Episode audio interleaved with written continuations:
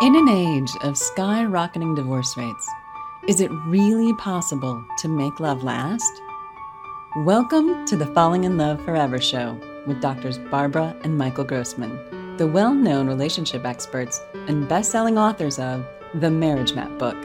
Each week, they share the latest information to help you enjoy your romantic partnerships so you can fall in love forever. Here are your hosts, Doctors Barbara and Michael Grossman. Hi, I'm Dr. Michael Grossman, I'm Dr. Barbara Grossman. and we're here to talk about falling in love forever. We're the authors of The Marriage Map, The Road to Transforming Your Marriage from Ordeal to Adventure. And we're happy to talk to you about how to create your marriage being much more joyful, fulfilling, romantic. And we have many different practical things to teach you. But today we're going to talk about why is your partner so sensitive and so irritable? So, Dr. Barbara, Well, if you find yourself irritable or you find your partner irritable, it's probably because you're not um, talking about the things that are bothering you and they're adding up. And instead of um, resolving your feelings or concerns, um, you're just being cranky. And it's time to um, take a break and find time and sort yourself out and get ready to share with your partner. so in general, we can say you're never upset for the reason you think. And what that means is that the present upset comes about because of what's been happening in the past. In the past, you've been hurt, you've been injured emotionally, and that set up the present upset. That once again, you're in the same kind of situation and you've had enough. So we can recognize that whatever's going on now is created from the past, from problems and upsets that have accumulated in the past. So, really, you want to recognize that both for yourself and your partner, the reason why they're so upset and so sensitive is because of the past, because of things that happened in the past.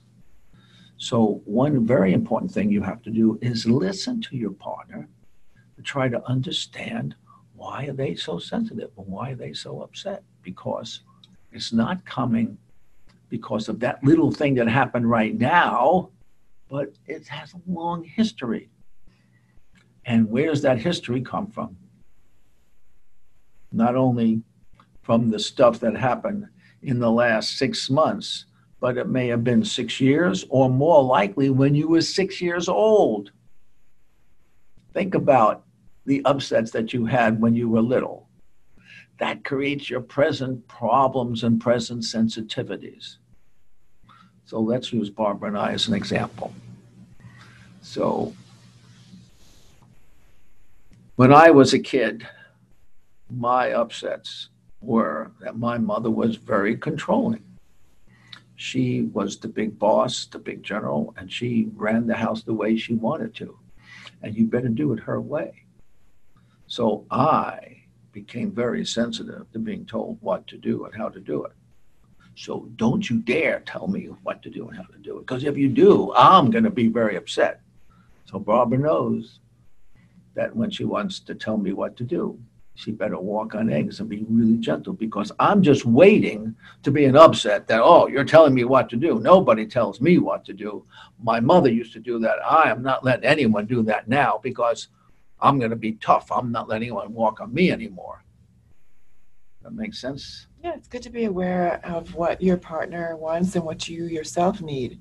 And you do that by connecting the dots of your feelings to your um, history and um, and these experiences come up over and over again. So if you miss it this time, I'm sure it will come. You'll come up to bat again to experience um, something uncomfortable that, that ties back to your past.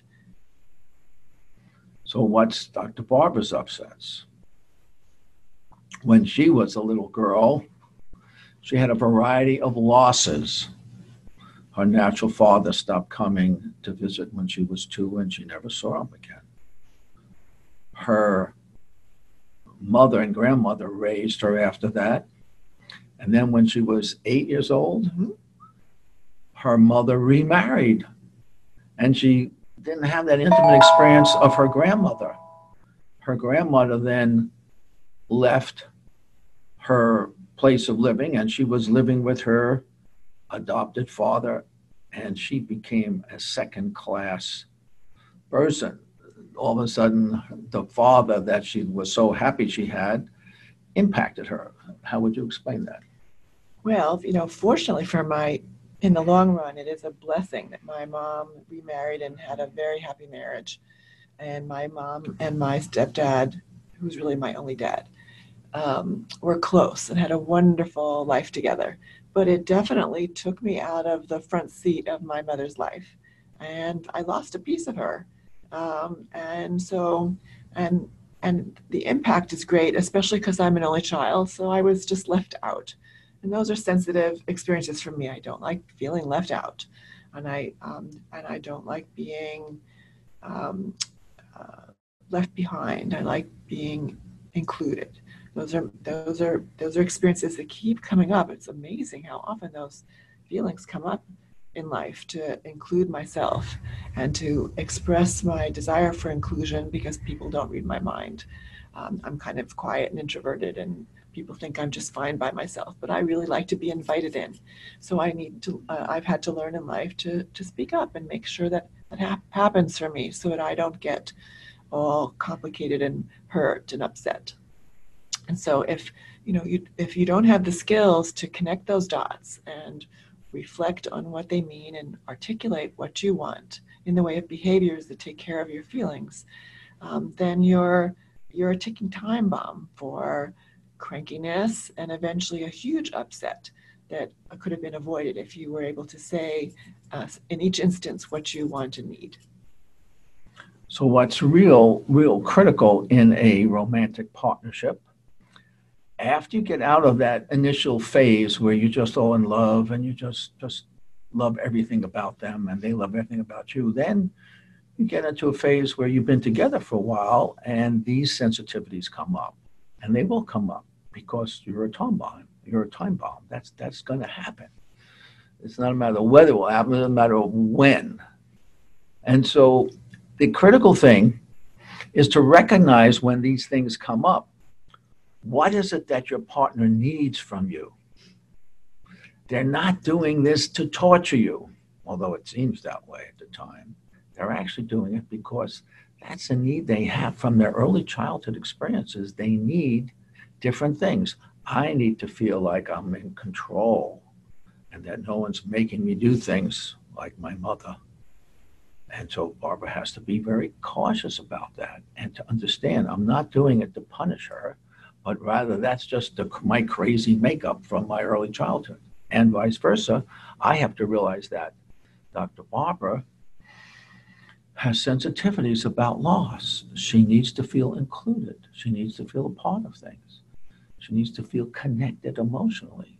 I can't just uh, sort of treat her like I would the way I want to be treated. Isn't that weird?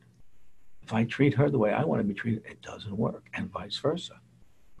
So we have to learn about each other and learn our sensitivities, and we have to recognize that we're not being that sensitive because we're trying to upset the other person, but rather that's our weird makeup. We have to learn to accept each other and to do the things that make each other happy, even though it's not what we want to have done. So in our classes, we teach you how to, to understand yourself, how to connect the dots, how to share with your partner what will make you happy, what specific behaviors you're, you want that will, will, will make life work for you and have you feel very grateful and connect you with your partner. These are important skills so that you can share this information without upset and learn to win with each other regularly. Well, there you have a, a big understanding of how to create a romantic relationship that really works. We encourage you to take our classes in Falling in Love Forever. There are four Sunday nights, two hours each. We put them on Zoom so you can watch them and uh, listen to them as you like from your home. we uh, encourage you to uh, read our book, The Marriage Map, and we look forward to speaking to you again. So if you want to reach us, you can call us at uh, 949-230-1429. You can go to our website, themarriagemap.com. And that's it for today. Wishing you love. Thanks so much. Thank you for watching the Falling in Love Forever show with doctors Barbara and Michael Grossman. Join us next week for another informative discussion to help you keep your love alive. Be sure to visit us at themarriagemap.com or find out about our relationship classes at fallinginloveforever.com.